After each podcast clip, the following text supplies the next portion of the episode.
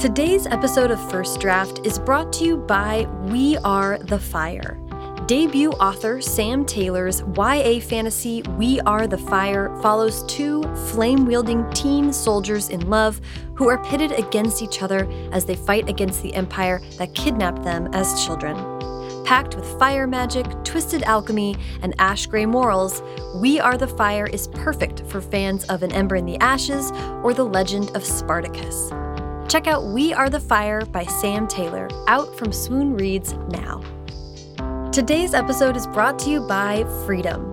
Freedom is an easy to use app that allows you to selectively and temporarily block the apps and websites that distract you, fragment your focus, and keep you from doing the deep work required to write a book. You can block the internet entirely or block everything except the sites and apps that you need for your work. Freedom is the only solution that allows you to block distractions in sync across all devices while you're writing.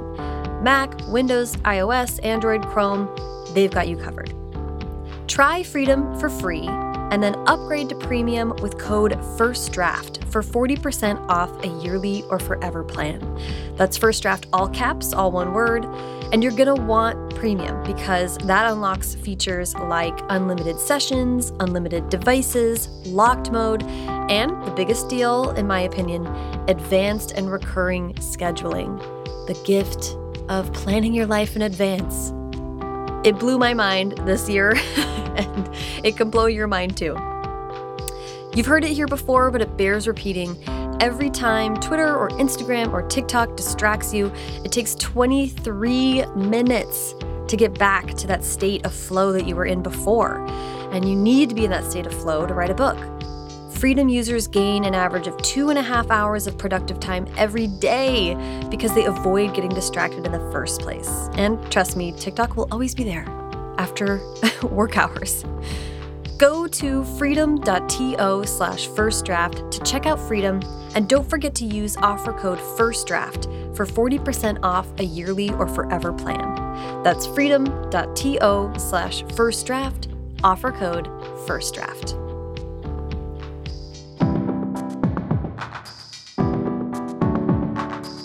Welcome to First Draft with me, Sarah Enni. This week I'm talking to David Arnold, New York Times bestselling author of Mosquitoland, Kids of Appetite, and The Strange Fascinations of Noah Hypnotik. He joins me to talk about his most recent book, genre bending YA sci fi, The Electric Kingdom, out now. I loved what David had to say about how being a new dad gave him the bravery to write his first novel, what a decade of working as a freelance musician taught him about being intentional with his creative work, and on experiencing the link between mental health and physical health firsthand while writing The Electric Kingdom. If you'd like to support First Draft, a quick and easy way is by subscribing to the podcast wherever you're listening now, and by leaving a rating or review on Apple Podcasts. You can also go to the website, firstdraftpod.com, to check out the show notes for this episode, which has links to everything that David and I talked about. They're really fun show notes this episode, and they include some fun music as well. First Draft is an affiliate of bookshop.org, so when you buy books through the links on the website, it helps to support the show and independent bookstores at no additional cost to you. The very best way to support First Draft while also getting tons of great bonus content is to sign up for the First Draft newsletter. There's a free monthly newsletter where you get updates on recent episodes and hear about upcoming events. But for just $5 a month, there's the weekly newsletter, where every Friday, subscribers get exclusive interviews, publishing industry analysis, writing tips, and more in their inbox. Information that is useful for everyone on every stage of the writing journey. Sign up at firstdraftpod.substack.com or find the link on the website firstdraftpod.com. Okay, now, please sit back, relax, and enjoy my conversation with David Arnold. So, hi, David. How are you doing today? Hey, Sarah. Good. How are you? I'm so excited to talk today. I can't wait to get into the Electric Kingdom, but I do love to start my interviews at the very beginning. So, I'd love to hear about where you were born and raised. So, I was born in Cincinnati. My dad was a pastor when I was very young. So, we moved around a little bit. And then he he transitioned into teaching at different seminaries. So we continued to move around for a little while. So i've lived kind of everywhere in the sort of midwest between ohio and mississippi corridor. Mm-hmm. Um, mm-hmm. i've lived i lived in ashland ohio which is up by cleveland. I spent my middle school like fifth grade through eighth grade there. And then and before that we spent a lot of time in jackson mississippi and then lived in central Kentucky for a long time. And really that's kind of Lexington, Kentucky is sort of what I what I count as home. But then my wife and I, right after we graduated college, we moved to Nashville. And so we were there for over a decade. And so that also sort of feels a little bit like home. We had our son there. We kind of grew up as we became adults there, I guess, is mm-hmm. maybe a weird way of putting it. But yeah, so Nashville is sort of home, but Lexington is is really I think where our and that's where my family all all of our family is now. So that's very much where our roots are. Yeah, yeah, that's uh, I'm I very much relate to that having grown up kind of all over the place. I want to hear about reading and writing growing up. How was that a part of your childhood?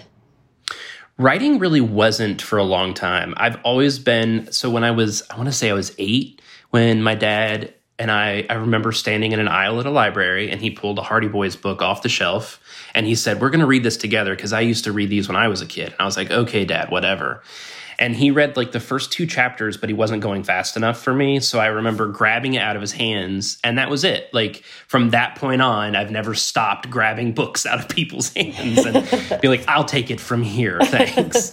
um, but that very much was i mean i mean and they read to me constantly as i was a kid but i would say that was when i realized oh i love to read like i love books and so yeah it's i mean it started with hardy boys and then i would say the next sort of watershed book for me would have been jurassic park in seventh grade or maybe eighth grade i was definitely in middle school I discovered Jurassic Park, and I feel like it was like the first book that I'd read that had cursing, and it yeah. just felt so adult. And I was yeah. like, oh my gosh, I shouldn't be reading this. So I'm just going to read this.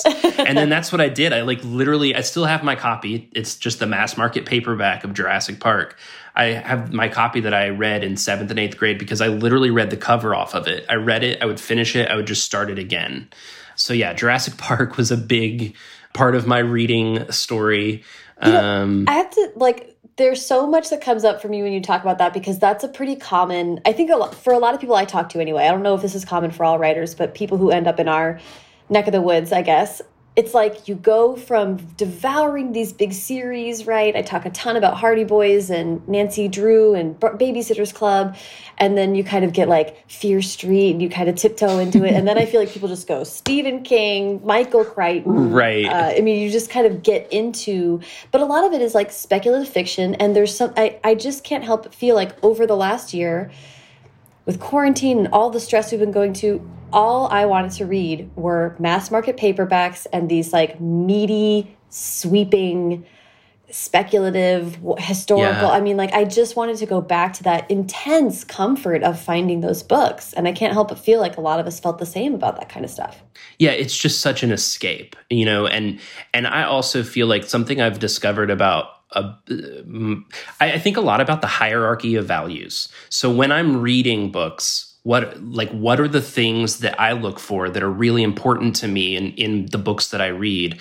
And only now, you know, Electric Kingdom's my fourth novel. It's this is the first time I've realized the kind of power that that hierarchy of values has in my writing. So like the things that I look for when I'm reading in my hierarchy of values, what are those that are at the top? And as it turns out, many of those things are things that I didn't necessarily know were at the top of my list of values as I was writing, but it's like something that I've been doing for a long time that I didn't recognize until just recently.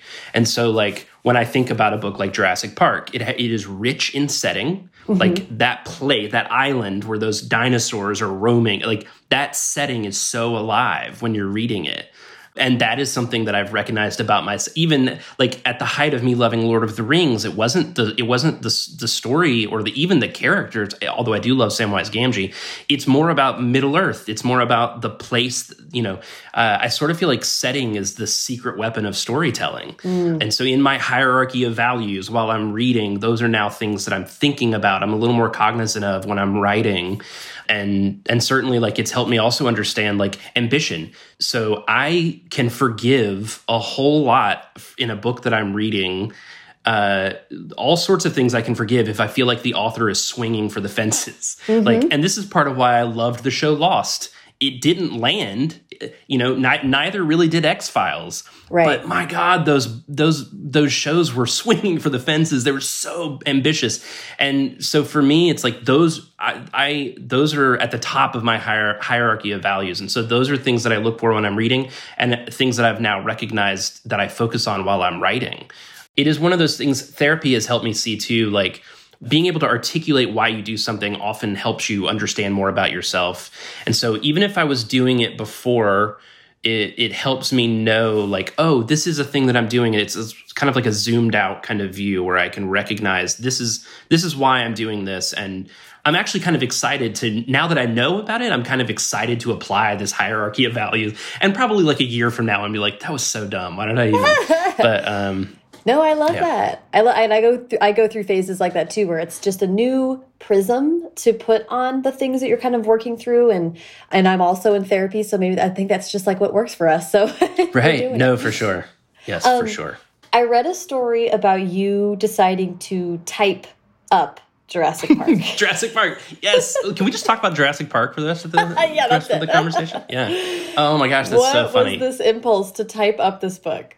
I don't know. It might have been. I mean, it was again. This would have been right in middle school when it was when I was in the heart of my Jurassic Park craze, and uh, I mean, maybe this was like the beginning of me thinking maybe I'll do something like this. Mm-hmm. I don't mm-hmm. know, but but whatever the case, I had decided it would be a good idea for me to just literally retype word for word the novel Jurassic Park. and so I began to do it and I was I was on my dad's old like giant beige brick computer, you know, with like the black screen and the orange letters. But I was pretty well into it and I came back one day to like pick up where I'd left off and the whole thing had been deleted and my brother had just typed, "You do realize you're retyping a novel, don't you?" like uh I'm pretty sure I hit him for that. But um I mean, but yeah, devastating. So, uh. I know. But I don't know, maybe that was an early sort of like maybe I want to try to do this someday, but it, at the in the time I don't know at the time it just made sense. Yeah, I'll just retype this novel. you know, there's there's so many ways that our young selves kind of are trying to signal what they want to do, you know, and you just don't have you don't know what you don't know at that age. So I I, I mean, did, was it even on your radar to think about being a writer or that people could be writers? No, that didn't come until much later. I mean, of course, I knew that there were authors. I mean, I, I read enough to like I you know I read all of Michael Crichton's books at the time because I was so and by the way I think Sphere might be his best but that's that's, that's yes. neither here nor there. so yeah, it wasn't really until much later, you know, I I really shifted. I've always been a big reader, but reading really took a backseat to music for I want to say 15 years of my life. Music mm-hmm. was the mm-hmm. most important thing. It was the thing that for a long time I assumed I would do, aspired to do, and then for a while actually did do. I mean, that's mm-hmm. why we were in Nashville. And so I was a I was a part-time preschool teacher while I was making music. And I was reading these picture books to kids. And this probably was like 2006, 2007, right in there and uh, of course, you know, we've all had that moment, or I think at least most parents or people who are around young children and reading to them, and you read just some, there's some, just like novels, there are some pretty awful picture books that, you know, and you kind of, as you're doing it, you're like, I could do this. Now, I want to be very clear. I have friends who write picture books. I think that being good at writing a picture book is the hardest thing to do. And I have so much respect for picture book authors. It's to be able to say that much using so few words is I, I just I can't even fathom doing it. So but at the time I was reading very poorly written picture books and I thought, of course I could do this. And one thing led to another, and then I wrote I I kind of wrote a like a rhyming comic picture book and I met uh, some people through music who were doing. They were looking to start like a publishing company, and it was all very like upstart and like yeah, let's just do it. And so we did it, and and then that ended up leading me to SCBWI, which is where mm. I kind of got an education and a community of of other writers, and was able to see oh here's how you do this. And uh, but yeah, more than anything, like Courtney Stevens is still one of my all time best friends and I met her through SCBWI. Ruta Sepetys was like the matriarch of the Mid South mm-hmm. SCBWI, and she's been so gracious to me. And just a real like light like like a beacon of light like yeah. that that's the north star that's the way to be an author and so yeah SBWI really kind of guided me into here's how you would actually do this if you decided you wanted to yeah yeah well let's let's lead up to that because i really want to hear about um music as well i mean how was how was playing music a part of being a kid for you what kind of instruments were you playing how were you engaging with it yeah so i mean my mom taught flute. She has her master's in music and she taught flute out of our house growing up. So she was constantly having music students in the house. She also played piano. So we were just kind of constantly surrounded by books and music growing up. And I'm trying to remember really when I, I mean, I got I traded a Hootie and the Blowfish CD for a, a, buddy of mine whose guitar was sitting in the corner. I traded my CD, and actually, I think Alanis Morissette too. I oh, traded those two. I know, right? It got real at that yeah, point. Yeah, Jagged Little that's Pill. That's a fair trade, I think. right, those two CDs for his guitar that he never played.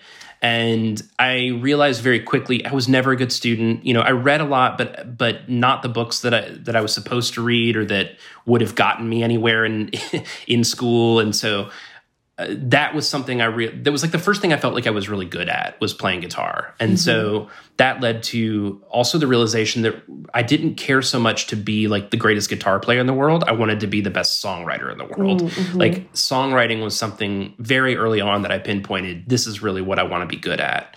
And so yeah, I mean that really became the dream. I, I wrote I wrote music all throughout high school, played in a couple different bands and then ultimately moved to Nashville for all of the obvious. Like I was mm-hmm. going to be a rock god, so obviously, like why not go to Nashville? And I moved there with a band. The band immediately broke up, but I stayed and was resolved to like figure out how to make a living. Mm-hmm. Um, and for years, it was you know I worked at Starbucks. I I did part time preschool teaching, and I was in various bands and just playing out and um, doing a lot of shows and yeah, it really introduced me to the idea of like a, a creative hub of collaborators and just mm-hmm. sort of artists. And it was such a rich time in my life of seeing what was possible.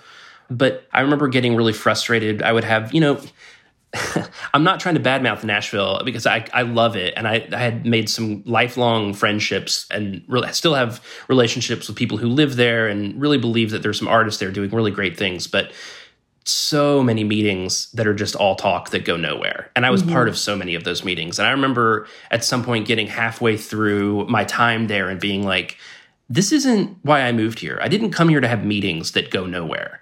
I want to make music or make art that matters. And even at the height of my like pursuing rock stardom, which I call it that. It really wasn't that at all. Because what I really, really wanted to do, if if if you had said, "What is it that you actually want?" I would have said, I want to create something and I want to like make art for a living. Mm-hmm. And music had always been the sort of like obvious conduit for that dream. Right. And it was the thing that I thought that I was good at, that I could, that I had the best chance at achieving that goal. Mm-hmm. I was mm-hmm. never in it to like two or 300 days a year or be a session player or write songs for other people. You know, like Elliott Smith is, he taught me more about writing than any author or teacher I've ever had in my life, which was, an honest voice is more compelling than a pretty one. Mm-hmm. And that's true you know it does i don't care if you're painting something or writing a book or writing a song like that's the truth and so i don't know i made a very conscious decision at one point to say i'm done with these meetings unless it's with people that i know are going to do something about it mm-hmm. and i had a home studio where i was able to do freelance production and record music that actually paid some money so yeah i don't know i was in a band for a few years that really uh, it was called the champion and his burning flame and we we got really really close and made some really good music that i still believe in. And so i think for a while there it was enough for me to to know that i was making music with people that i loved. And if it made money great. And if not great. I had my home studio that was kind of an, an avenue for income. So i think that was kind of where i landed.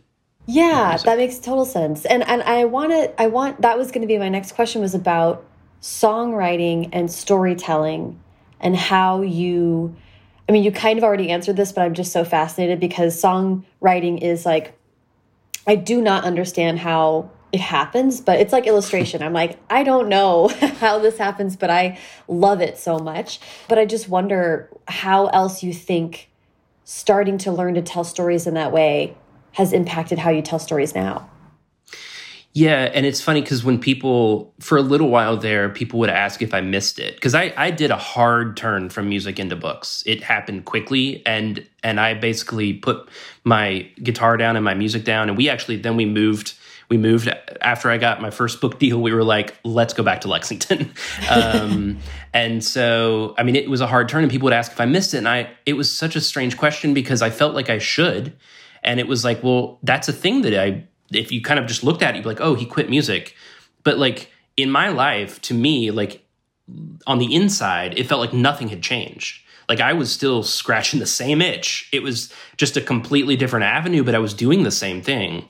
So, and that's, I mean, there are, I could get a little more granular than that. I mean, you know, songwriting is a little bit more piecemeal. Like you're, mm-hmm. you're incorporating not just the lyrics and not just the storytelling, but also the music. And you don't have, to, it's more like short stories, I think. You don't have to create the full picture. You can just mm-hmm. kind of provide a little glimpse of something but yeah, I mean, the musicality of language, that is something that has definitely, like, I mean, whenever I was writing songs, it was always about how do these things fit together? How does the music and how do the lyrics and the production, how do, mm-hmm. how do all of these things fit together to make the best possible version of this song? Mm-hmm. And I think that's true of how I write now. I mean, the way I do it is very zoomed in, it is mm. very granular. In my hierarchy of values, I would much rather pacing is not at the top. It just isn't. Like I would much rather have the sentences be where I want them to be and the prose be where I want it to be. And I can sacrifice pacing to some degree for those things. So yeah, and that was very much true in in songwriting. And maybe maybe part of why I do it that way with books is because I did it that way with songs. And mm-hmm. I haven't really considered that one was the cause of the other. Um, I don't know if that answers your question. Yeah, yeah, it does. I, I, I, you're making me think too of there was this really wonderful feature that was in the New York Times like yesterday, I think, and it's from you know the guys that do Switched on Pop, that awesome podcast about music.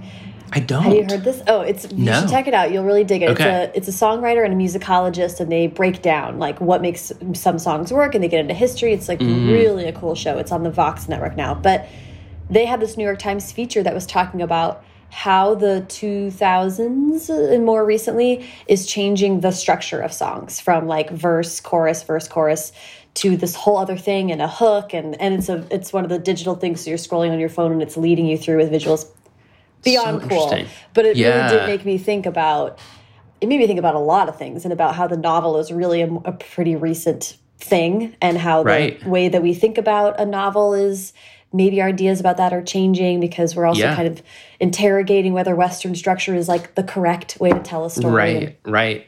Anyway, yeah. that's like a whole big abstract conversation we could have, but that's no, what I've I think thought, of. Yeah, no, and I've th- I hadn't considered about that um, with music. It's funny though; I have thought about it with novels. Like when you think about how technology, like we talk about revision being writing and okay fine but you know 100 years ago that wasn't the case because you you, you couldn't just you couldn't just delete and like it wasn't that easy you know yep. so the actual books that are published are different now because of the technology which is very strange to think yeah. about yeah and then someone this is just kind of connected to my brain but then someone recently told me that there there's been studies that with the advent of filmmaking people dream differently because you can mm. cut you can cut to a mm -hmm. new mm-hmm. scene and we just understood that and i mean like listen then you just like now yeah. we're just in college psych 101 but it's like right you just blew my mind a little bit sarah she told me that and i was like what? What? Like I had right. to pour myself another glass of wine. Like what's yeah, going on? Yeah, Oh man. But the ways we tell stories are ever changing and in flux, and I think that's an important thing to keep in mind as a writer because what we think sure. of as the way things are done are it's usually more right. recent than you think. Um, right. Oh my gosh. Okay. I love all of that. I want to talk about, you mentioned that the kind of hard pivot that you made to, to books. I'd love to talk about kind of like how that set in. And I know that that is related to your family growing and changing. So I would love for you to kind of just tell me a little bit more about your origin story of really committing to writing and what you started writing.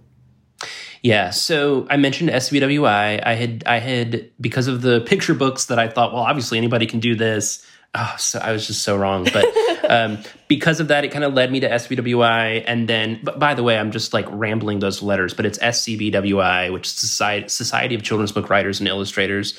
And I went to a couple of conferences with this other guy who was starting a publishing company in Nashville. And, and it was a fun time. And obviously, like, a, a, really important domino in in that line of dominoes and was able to just meet so many great people. But it but still at that point music was still number one. And i kind of thought well if i could publish a book that'd be great. But it's it wasn't it was not my uh, it was not the most important thing. It wasn't yeah it wasn't until my wife found out that she was going to have a baby. And we were not prepared for that news at all. Um, it wasn't that we we didn't want kids or or whatever. It just wasn't part of our plan at the at the time, and mm-hmm. so it was pretty much decided overnight. You know, I was I was a freelance musician. Mm-hmm, right. My wife had this great job with benefits and all of that, so it was like and we lived in Nashville, so it was we weren't around our families. We didn't have any, you know, mom couldn't just like pop over and help out. There was yeah. it was just us, and so we had to figure it out. And so pretty much overnight, it was like, okay, you're gonna have to stay home with the baby. Mm-hmm. And it, I'm not I say have to. I mean, when I look back on that time now, he's almost nine, and it's it was just such everything was heightened. It was a very visceral time of life for me. I felt everything deeply. It actually was not unlike being a teenager. I mean, I had to basically quit music in terms of it being my livelihood. I mean, I had right. a home studio and I was recording I was recording for a living at this time and you can't record music with an infant in the room. I mean, you just can't. And so I had had to start saying no to the calls and when you're right. in freelance work, when you start saying no, that's kind of it. They're not going to yeah. call back. So I was kind of bitter about that, but I was also excited at the opportunity to be a dad. And mm-hmm. and I think at that point I was like, okay, I guess I'm going to become the ultimate cliche, and it's time to get serious about that novel. and I had had an idea for a book, actually in its infancy, Mosquitoland was about being a new kid at school because I had done that many times, moving around. And I even mentioned some of the places that I'd lived as a kid Ashland, Ohio, Jackson, mm-hmm. Mississippi, a lot of the book takes place in those places that I've lived. Cincinnati, Nashville, the list kind of goes on and on. And but yeah, so I decided to get serious about writing uh, the novel Mosquitoland, and it, the title came before anything else because I, when I think back to my time in Mississippi as a kid, what I remember the most were the mosquitoes and wanting to leave, and mm. that was just that's what I remember. And so it was going to be a new kid who comes into school, and um, yeah, just that experience. But I remember getting like 20 pages in and realizing that the real story was back in Ohio, where she mm. where she'd moved from. Mm-hmm. And so very quickly, the novel became this sort of road trip story of her of her getting back to where she was, where she what she would have considered her home. Yeah. Um, and I yeah yeah. So I mean I, that became that became the main thing. I mean literally overnight, I went from I, I'm just a, I'm a very type A, very obsessive creative type. So like it can it has served me well in some ways and and not in others, which mm-hmm. we can mm-hmm. talk more about at some point. But um, but I just decided this was what I was going to do, and and for two years I did nothing but be a dad, be a husband, and be a writer, and that mm-hmm. was it. And I wasn't getting paid. I assumed nobody was ever going to read it but I kind of just was able, you know, and half the book is told in uh, Mosquitoland is told in letter format. Most of those letters are me just typing letters to my infant son, like, Aww. and me looking at him on the floor and being like, okay, what do I want him to know? Like, what kind of person do I want him to be? Mm-hmm. And so, yeah, but because of SCBWI, I kind of had a framework and had some people in my life who I'd seen do it. Mm-hmm. And I thought, okay, well, it's not a complete mystery. I assume nothing will happen, and I'm not entirely sure how to make something happen, but I have some resources. Mm-hmm. And so once I felt like I had a draft that was readable, that's kind of when I started looking for an agent and getting a little more serious about it. I'm, go- I'm going to ask a few questions about Mosquitoland. So actually, before we get into that, do you mind pitching Mosquitoland for us? Oh my gosh, I haven't pitched Mosquitoland in so long. okay, so let me think. All right. So you've got Mim. Okay, so Mim Malone, who has just recently left her mom back in Ohio and moved to Mississippi with her dad and new stepmom. And like in the f- opening pages, you learn, Mim learns that there's something going on with her mom. Uh, potentially she's sick. Something's happening with her mom back in Ohio. And she decides she's gonna she's gonna take matters into her own hands. And so she steals money from her stepmom and gets on a Greyhound bus. And it's this road trip of Mim going back to Ohio to find out what's going on with her mom. It's not entirely common that someone's first attempt to write a novel then is their first novel. so I'd love to hear about like learning as you went with this project and if you could lead us through getting representation and then um, and I love that you found a publisher that is still with you. That's also not super common either. Yeah, it's been I think a lot of it, you know, so I talk to a lot of young writers, and I don't think anybody aspires to write. I mean, you're a writer or you're not a writer, but there are certainly aspiring authors. So I talk to a lot of young writers and aspiring authors, and the thing is like everybody understands or I, I, hope that they do that like rejection is part of the process and you mm-hmm. constantly are hearing yes you will be rejected so get ready for it and yeah. and you know you hear these stories of the wildly successful authors who had stacks of rejections and I, and those that's all true and that those are all great stories and and I'm glad that those stories are out there but I do feel like you do have some control over how many rejections you get uh-huh. by taking your time and by being intentional and by doing your work before you start the process and i think a lot of people tend to think oh i've got this great idea i need to hurry up and or i've got a partial manuscript that's just so brilliant that it, it's like no just calm down take your time. It's one thing to feel urgency. That's a different that has urgency has nothing to do with time. So urgency to tell a story, great. Slow down, take your time. Once you have it, I mean, I had eight drafts of Mosquitoland before I ever decided to even contemplate getting an agent. Mm-hmm. So once you have a draft of a book, then okay, now it's a whole new job. How do you find an agent? And I found an online database basically of all of the legitimate agents. There were hundreds. Yeah. And I spent probably three months with an Excel spreadsheet clicking literally on every single agent's page to go find out what they represented, what books were they looking for, were they even looking for books at the time. And if you do all of those things and then you take time with your query letter and you take time with all of these things on the front end, yeah, you're going to be rejected, but it's going to cut those rejections down by a lot and things will go a lot quicker. Yeah, this is, I'm so grateful to you for talking about this because I try to find ways to talk about this in ways that are not patronizing, right? And I think both you and I are not. You do a great job, by the way. I love the work that you're doing about like teaching people how publishing works. It's Thank wonderful. You. Yeah. Well, it's really like we have to talk to each other about it because no one else is going to. It's not like right. publishers are not overly interested in telling you how everything works. Um, right, right. But I also love that you know, before I did this, I was a journalist. So you're talking about minimizing your rejections to me, that sure sounds like the guy who took his fair fair amount of jabs on the chin being a freelancer and a musician mm. and knowing when a song is done or when a song still needs work, right? Like you had you may not have spent those years writing a book, but you spent those years writing, honing your creative craft and your instincts, right? For sure. Yeah, my decade in music taught me how to work for things on the front end of things and then not expect too much. but I, I, think intentionality really is the word here, is uh, being intentional about things. And it's funny that I say that because I feel like in the process of writing, I'm not an intentional person until the very end. Oh, but in the pop in the process of publishing, it's so important to be intentional at the very, very beginning. Mm-hmm. And it's like if you tip over the wrong domino, you know, I, I used the domino analogy earlier. I'm going to keep, I'm just going to keep using it. But if you tip over the wrong domino, you may not know it until that line is all the way in another room and you look around and you're like, well, how did I get here? And it's like, no, you pushed the wrong one way back down there. And mm. so for me, it was doing all of that work on the front end, cut down on my rejections. It also allowed me to find the agent that was right for me, who then found the publisher who was right for me, who then mm-hmm. found the editor who was right. So yes, it it I for sure look, I've been very, very lucky. There is a lot, a lot, a lot of luck. But um, there are also some really intentional things that I did on the front end that I think have at least put me in the position where this was a possibility. Um, and i yep. and I have been very lucky that that it has worked out for sure. Yeah, I just relate so much to what you're saying as far as like really wanting to think about not you just want to take control of your power, right? You just want to say like I don't when people get into trouble in publishing, I think it's because they don't take that moment to kind of take a breath and understand like what they bring as an artist into this equation. And it's kind of like who anyone who will represent me? Anyone. I'll take any agent.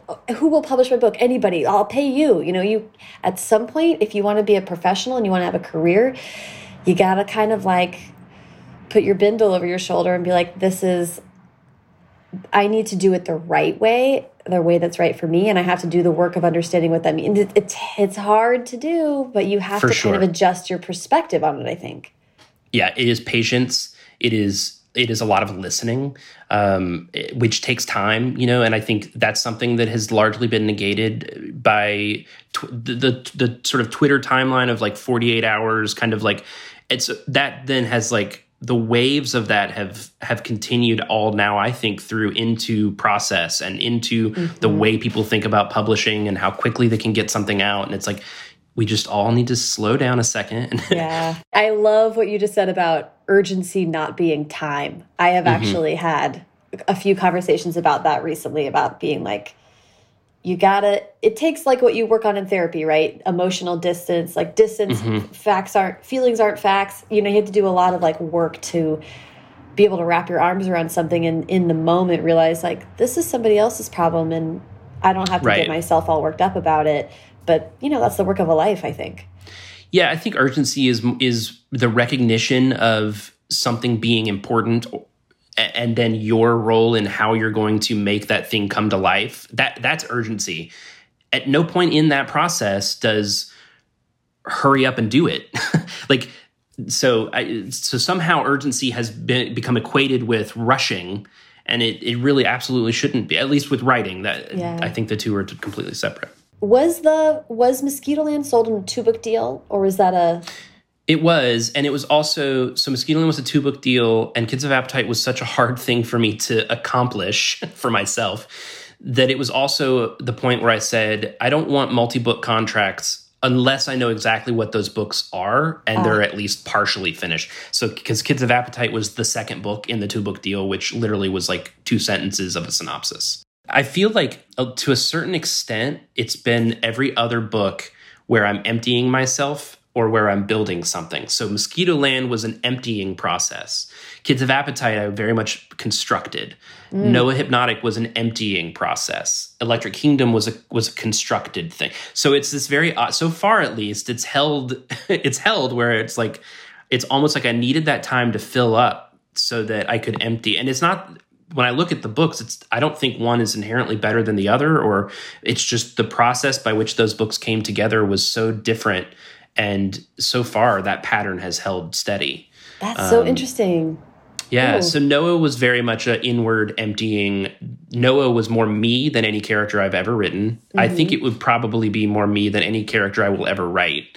I mean, his his some of his circumstances were similar to mine, but certainly the way he saw the world and his the way he would go on all these tangents and mm-hmm. um, all the rabbit holes that he would go down and th- his worldview. It was all just that that was very much who I was as a teen and to some extent am still today.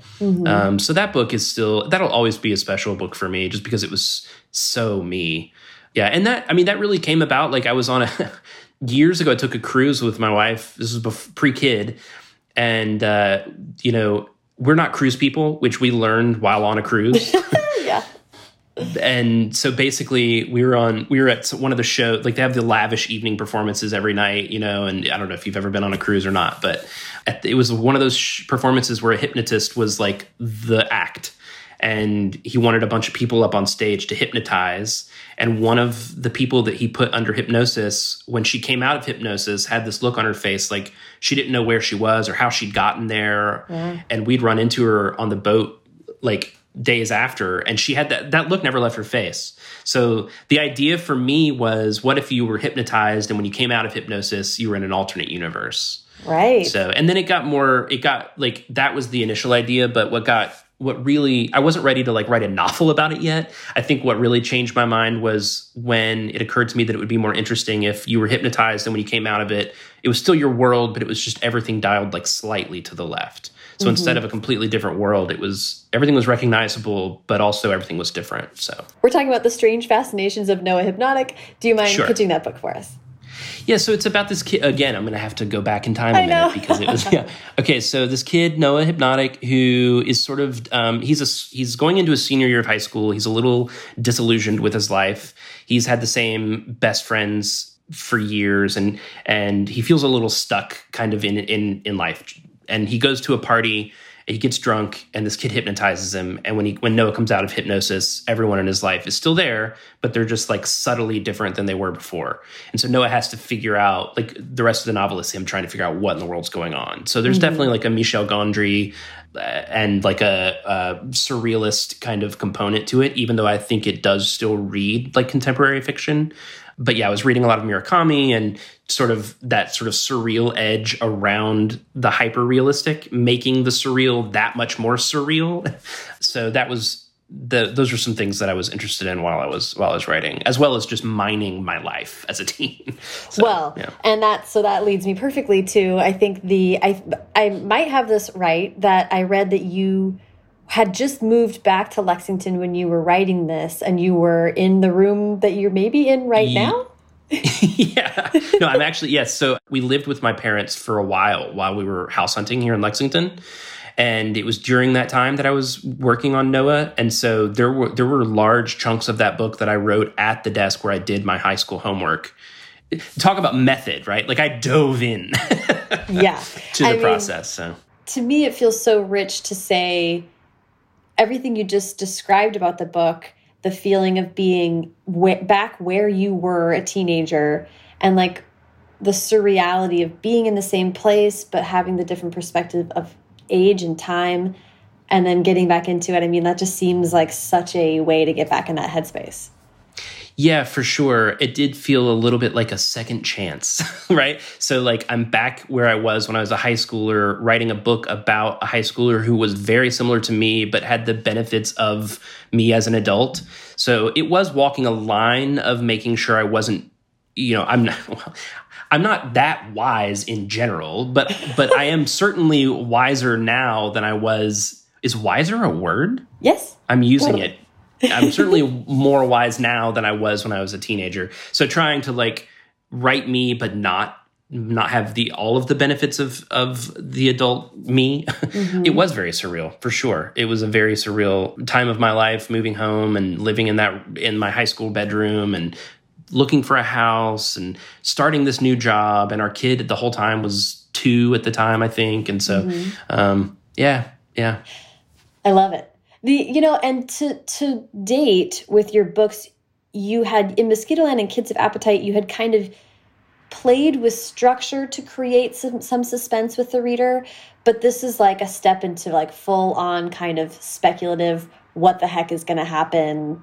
swing for the fences kind of structure. so I'd yeah. love to hear like what that was like. I think that I even, you know, when I look back, even in Mosquitoland, there's a scene where Mim uh, meets some people. This whole scene takes place on the roof of a gas station. And on this roof, there's a swimming pool. And I remember even writing it thinking, nobody's going to go for this, but like doing it anyway. And so even then, like when I was writing realistic fiction, I've always liked to toy with plausibility versus possibility mm-hmm. in, as it relates to setting. Mm-hmm. So, like, not really caring if something is plausible as long as it's possible. And in Kids of Appetite, like, they literally hide from, well, I don't want to give anything away, but they hide from people in an old grease trap. Well, that's really, really not plausible. But like, I researched it, it is possible. So, so I, I was fine writing it. So I think I've always been interested in the ways that we can push the bounds of reality with setting. And so when I got, it was just a matter of time until I was going to do that same thing with character and plot, I think.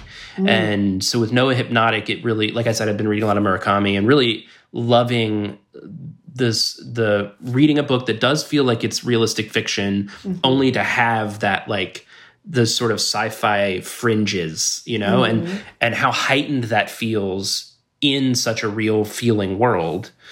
And yeah, I don't I don't see myself ever really well, I say ever. I mean, I'm not in a place now where I would sit down and write a realistic novel. I just don't. And maybe that's something to do with being in the same house for more than a year, like right. wanting to write things that aren't realistic. But I feel like for me, there's just so much that's possible when you toy with what's real and what's not. Yeah. Yeah, I don't know if that answers the question, but yeah, no, it, it, it does. And, and we're kind of just talking about, you know, shifting perspectives and trying something new as a writer and, and flexing muscles in different ways to keep it interesting. But but I will say that's been on my mind recently too. I got notes back on something I wrote and a one of the notes from this reader was, um, you know, this isn't really believable. And it, it was just a moment to me to reflect to be like, that's that's totally fine for her to say that, but do I care? Right. And that's like the real question. It's just like, uh, I think I think in this book I'm just gonna say I'm writing fiction and right. that's what we're doing here and that's that's you plugging in your own values into the hierarchy of values sarah. Mm-hmm. you're saying like i like as like this person who read it like is it believable is higher up on the list than it is yeah. for you? And this is the yeah. same for me. Like i would much rather read something that's really trying to do something new or and it's not to say you have to reinvent the wheel with every book. I mean some of the most brilliant novels are the understated quiet it can it can be that for sure. It's um but yeah. Yeah I'm so interested. Okay, I'm so interested in you saying that there's an emptying in a building. That's such an interesting pattern to recognize in your own creative process.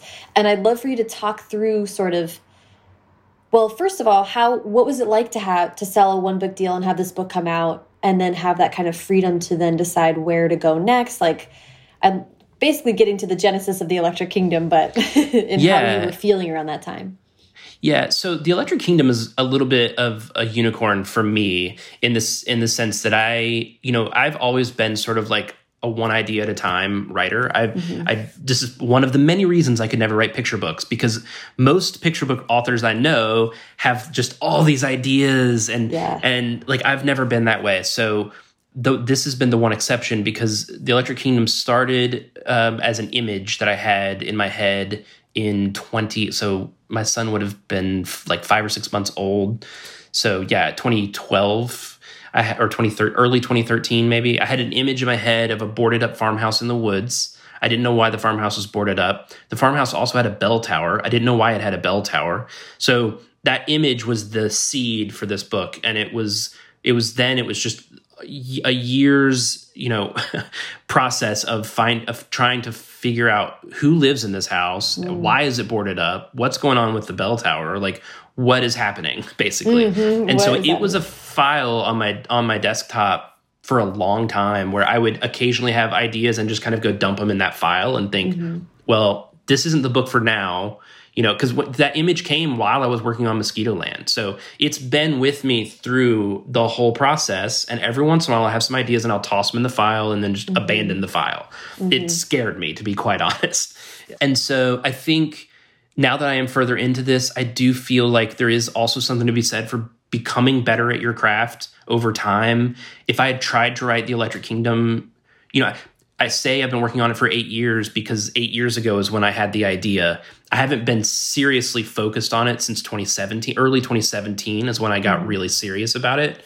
I think if I tried to get serious about it in 2015, I would have not been able to write it. To be quite honest, I just don't think I could have mm-hmm. at the time. So, so it was just one of those that I knew that some, or I had hoped, I think that someday I would feel emotionally ready and also like I was good enough to do mm-hmm. it Mm-hmm. And even when I made the decision that now was the time in early 2017, I made I also made the decision not to sell it on proposal or even to sell it partially to my publisher who by the way has continued to just be incredibly supportive I, I can't say enough good things about about them but it's you know i knew that if i tried to sell it i was going to freak myself out and not be able to do it and I, I, I just wasn't positive I could write it. So I wrote the whole thing on spec, bef- you know, without a contract, and then was able to kind of take it. I mean, it wasn't finished by any means. I mean, I needed a lot of help getting it across the finish line, but I had a finished draft that I was yeah. able to kind of go to Penguin with and say,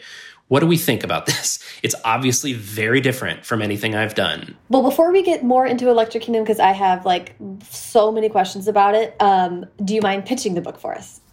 Sure, yeah. So Electric Kingdom is about, um, there are th- sort of three narratives happening at the same time. The first is Nico, who's 18. Um, she lives with her dad in this boarded up farmhouse in the middle of the New England woods. It's set about 20 years after the end of the world. And her, her dad is getting sick of the same thing that just recently has killed her mom. So she kind of can see what's happening with her dad as well. And he kind of tells her in this feverish haze that this fantastical story that he's raised her on that there are parts of it that are true. And so he he says that she now has to go to Manchester New Hampshire. And again this is post-apocalyptic woods so it's a lot of walking in the woods. And she has to try to get to Manchester to find what may or may not be this mythical portal. And it's kind of a foolhardy journey for sure but also she's fairly convinced that a her dad is dying and b if she stays she might also die of the same thing, or at the very least, she'll be living alone in the middle of the woods. So she decides, she and her dog kind of set off to find this um, mythical portal, which may or may not be there. Simultaneously, you have Kit, who's this 12 year old little like burgeoning artist who just wants to paint and hug his mom. Coincidentally or not, his mom is ill of the same thing that Nico's dad is ill with. So something is going on with the adults things conspire in this. T- so, Kit is raised in a, a, completely separate town in an old abandoned cinema, which is based on a local old historic cinema here in Lexington that I was able to tour before lockdown. That was oh, was so wonderful and that was a very much a wish fulfillment. Like Kit got to live in this old cinema. Oh, it's so fun to write. And so things conspired to kind of lead Kit and his adopted siblings on their own journey through the woods of New Hampshire. And then the third narrative is this omniscient, omnipresent character called the Deliverer, who we don't really know what's going on with, but is able to be in certain places at certain times to connect certain threads. And yeah, that's the Electric Kingdom. And all three stories kind of intertwine kind of near the end. Um, so yeah. Yeah. Yes. Um, and it's like I'm going to ask a bunch of questions about it, but I want to endeavor not to spoil this book, which is mm -hmm. the kind of tricky part about promoting a speculative fiction book. You know, um, really what happened was, uh, I mean, a huge turning point in this novel. In 2015, I went to see a movie, an alien movie, and I left a completely different person. And that movie was Arrival. So I realized in 2015 that what I had done was write off all of science fiction. I had just said, I'm not a sci fi person. And Arrival was like, oh, really? and of course, so Eric Heisserer adapted Arrival and made it his own, and it's brilliant in its own right. But the adaptation is based on what, and, and where I ended up landing was in the source material, which is Ted Chiang, who writes the most brilliant short stories you will ever read. And Arrival is based on one of those short stories. And so Ted Chiang really kind of got the wheels spinning for what was possible with this weird little story in this cabin in the woods. Mm -hmm. um, in your acknowledgments, you talked about um, that you were struggling with medical issues while you wrote this book as well, and and something about that felt true to me. And like reading mm. it, I was like, oh, I could see somebody grappling with a lot of. There's a lot of meaning of life. What does it mean to live? Yeah. Questions in this book. So I just wanted to hear about how that yeah. was.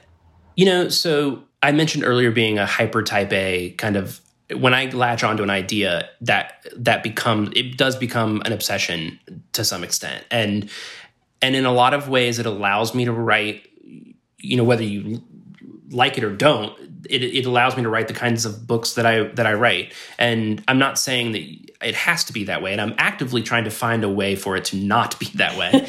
um, but yeah, no, I you know so early 2017 when I really turned to face this as as the book that I was going to write. I really just jumped in, just completely and wholeheartedly. And I have you know, it sometimes is helpful, and certainly during 2020 it was. I have the ability to not go anywhere or see anyone for very long stretches of time, and it doesn't bother me. Mm-hmm. I, my wife and kid are are my world, and I and I, they've been you know a constant, steady in my life. Outside of them, I really had allowed myself to be just completely isolated. I had like and still do, you know, group text threads with some friends, mm-hmm. but it's not like I was seeing them all the time. And so for for a long time there, I really just had allowed myself to to let the most important thing be the only thing, which isn't always very healthy.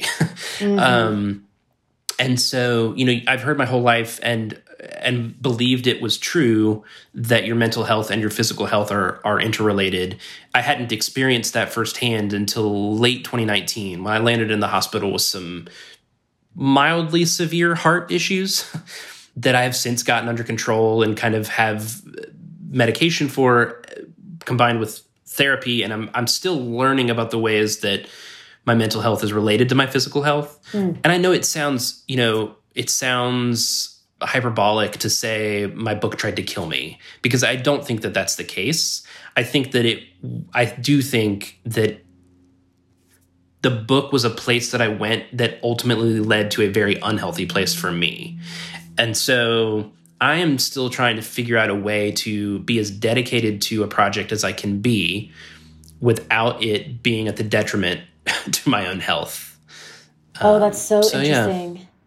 That's so interesting because I think a lot of the Electric Kingdom is about how stories like can save us, literally.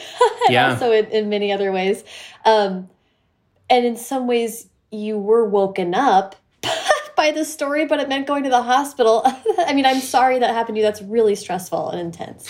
Yeah, no, it did lead me into therapy though, and it led me to be in a, in a place where I am more self aware and more concerned for my own health in a way that I wasn't before, to be quite mm-hmm. honest. Mm-hmm. Um, it also, as you, you know, the book it gets pretty dark. Like it, it's post apocalyptic. There's some pretty nasty dudes.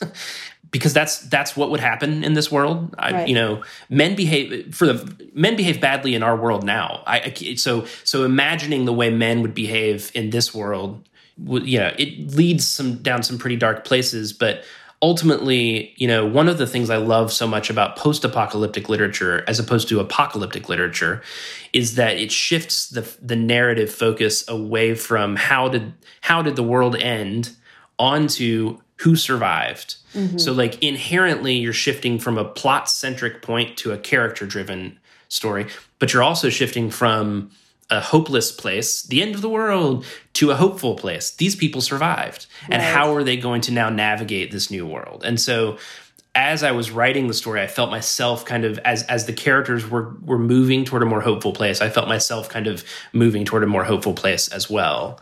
Um, so. Yeah, and I mean, what I took away from the book, I think that a lot of the heft of the story is about the importance of human connection. And it sounds like that was a big journey for you at that time. It certainly was. And it, I, I don't, you know, the fact that it came, I mean, I finished the book um, the book was largely done before lockdown of 2020 started. And it really was i've never made like I, I i have no problems with people who make new year's resolutions. I've never really made them. Leading into 2020 because of the health issues that i went through in 2019 i had resolved to not isolate myself so much.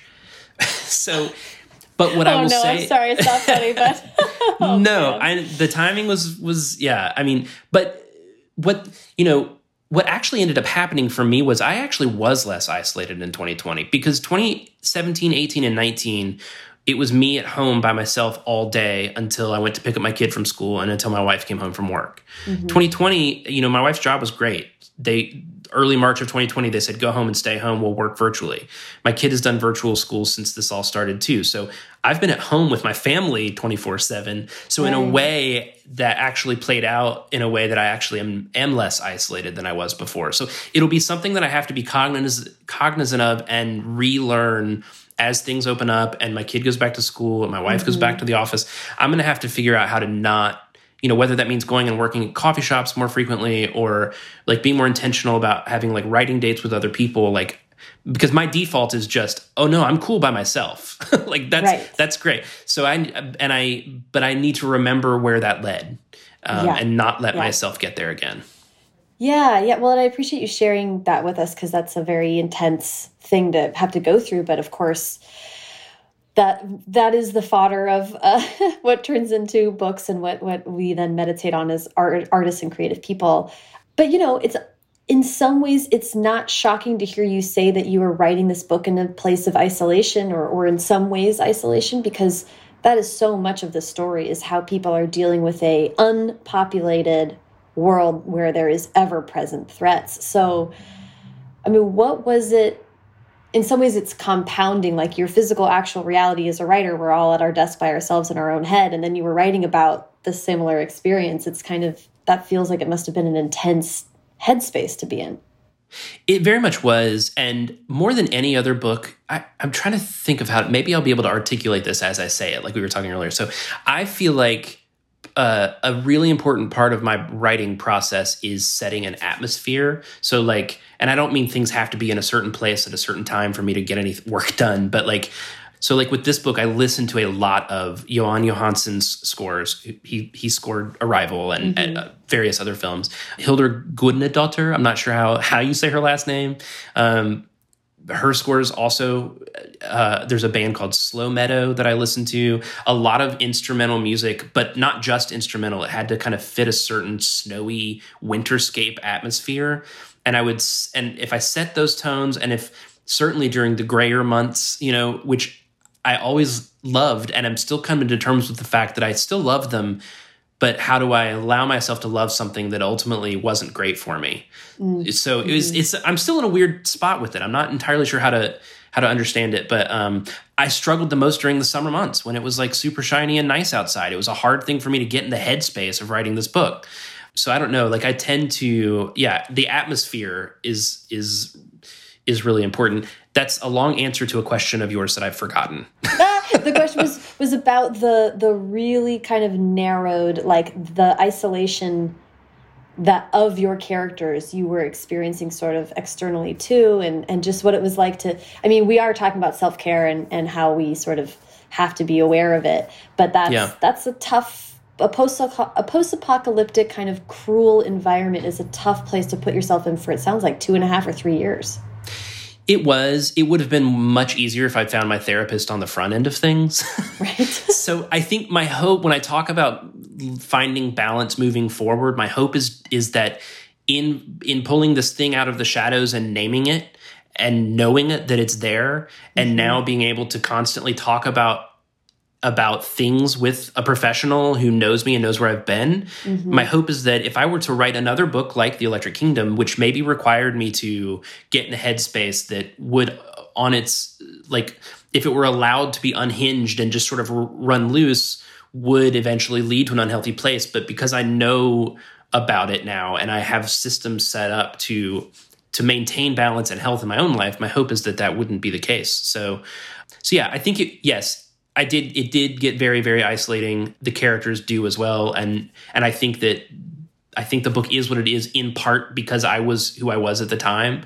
So I think my hope is though that that now that I've named the thing and and am actively doing things to help my head, mm-hmm, mm-hmm. that ultimately it, it would be a better outcome next time. So yeah, yeah, and and that's like I think it's just so important to talk about. I mean the other thing that struck me in reading it was I am always so I mean you talk about sci-fi and and and rediscovering the power of that. Sci-fi scaries are sci-fi stories are scary to me because they are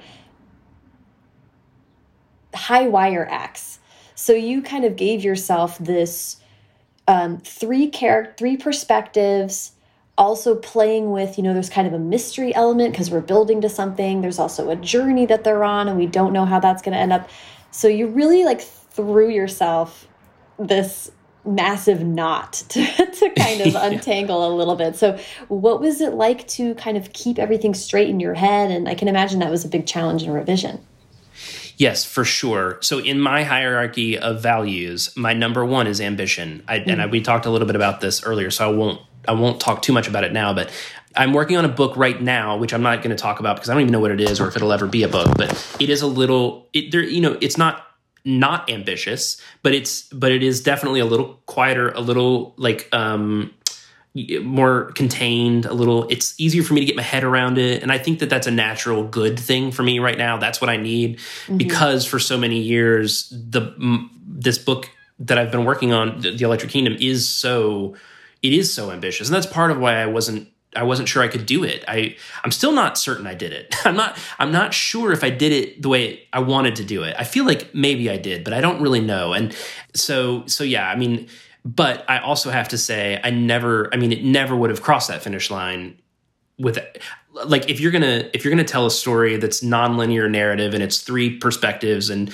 two thirds of it is in third person but one third of it is in first like you better have a brilliant editor And Dana Leydig at Viking was my brilliant editor. And it was just a lot of phone calls trying to keep everything straight. I also I always do sort of like an actual timeline for my characters. I've always done it just on a piece of sideways white paper. I'll just mm-hmm. draw the timeline out.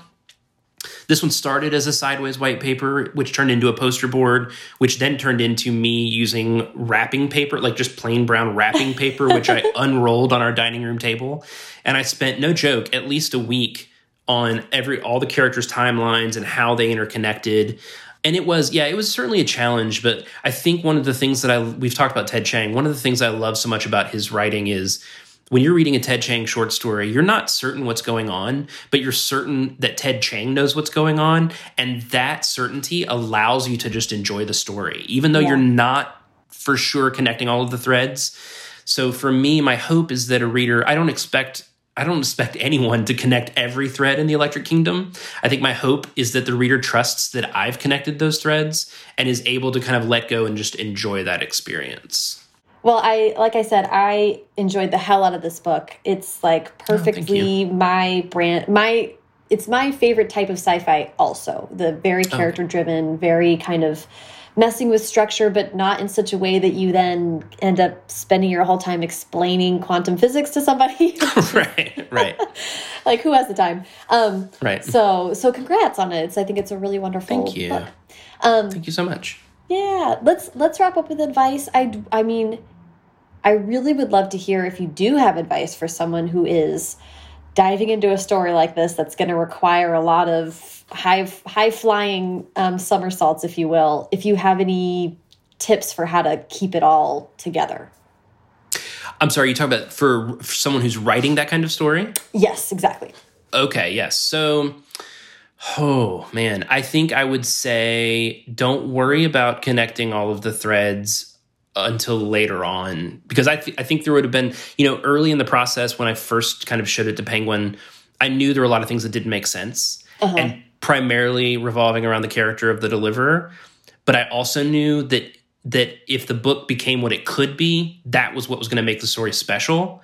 And so i kind of said early on like look i know the deliverer's character needs a lot of work but that's a deal breaker for me. Like so i think it's important not to um, i would say even if you don't know how something's going to work, don't let that keep you from doing it. So yeah, I don't know. I mean, yeah, so so go for it, I guess is what I'm saying, and then worry about connecting it later after you have a brilliant editor who you can call and be like, "How do I make this work?" right. Well, and you're also talking about, I think, trust.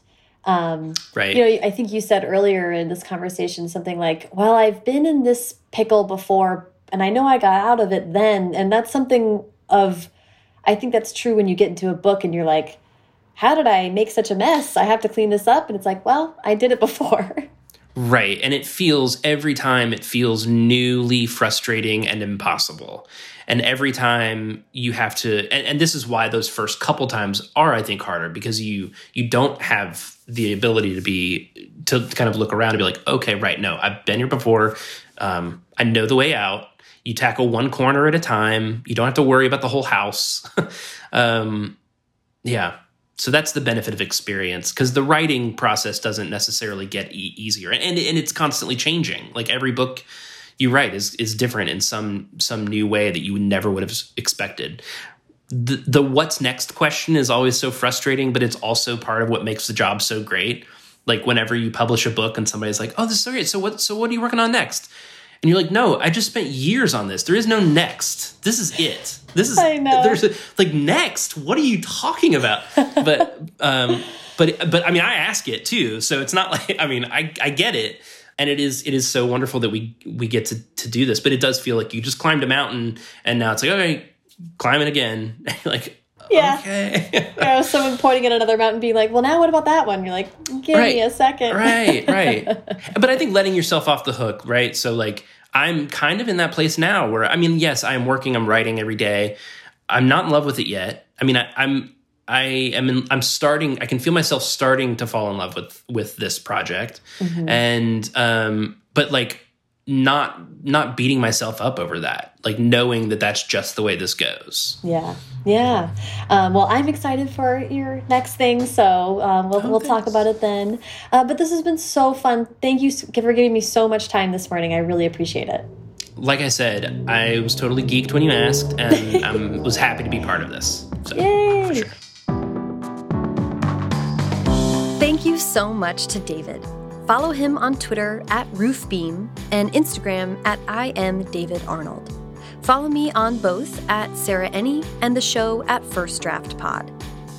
This episode is brought to you by debut author Sam Taylor's YA fantasy We Are the Fire, perfect for fans of An Ember in the Ashes or The Legend of Spartacus. We Are the Fire is out from Swoon Reads now. This episode was also brought to you by Freedom, the easy to use app that blocks distracting websites and apps, letting you get into deep work flow. Try it for free at freedom.to slash first draft and use offer code FIRSTDRAFT for 40% off a yearly or forever plan. Like I mentioned at the top of the show, leaving a rating or review on Apple Podcasts is a great way to support the show and help new listeners find us. I'm going to read a recent review that was left now. This was left by Tori Story underscore X. Tori Story says, A literary lifeline. First Draft has been and continues to be one of the most helpful additions to my writing arsenal. Sarah's interview style is warm and friendly, and I genuinely forget I'm listening to an interview because it always sounds like I'm listening to friends talking books, life, and writing together. On my high anxiety days, I can pull up an episode to listen to on my drive home from work, and Sarah's voice is so calming and reassuring. On the days where I'm feeling particularly discouraged about my writing, I can listen to an episode and feel less alone on my writing journey. Thank you, Sarah. Thank you, Tori Story. That's just like so amazing to hear. I'm just so grateful that the podcast is of use to people and hearing that it's like a safe place to go when you're feeling anxious or unsure or discouraged is deeply meaningful to me and also, you know, I never I never thought when I was making a podcast that I'd get so many compliments about my my voice, um, which is just like a side effect that uh, that I find. I mean, thank God. I'm glad that the people who listen to the show don't don't hate my voice. Thank you so much, Tori Story. I really appreciate that review. First Draft is produced by me, Sarah Enni. Today's episode was produced and sound designed by Callie Wright. The theme music is by Dan Bailey, and the logo was designed by Colin Keith. Thanks to social media director Jennifer Nkosi and transcriptionist at large Julie Anderson. And as ever, thanks to you, the urgent but unrushed, for listening.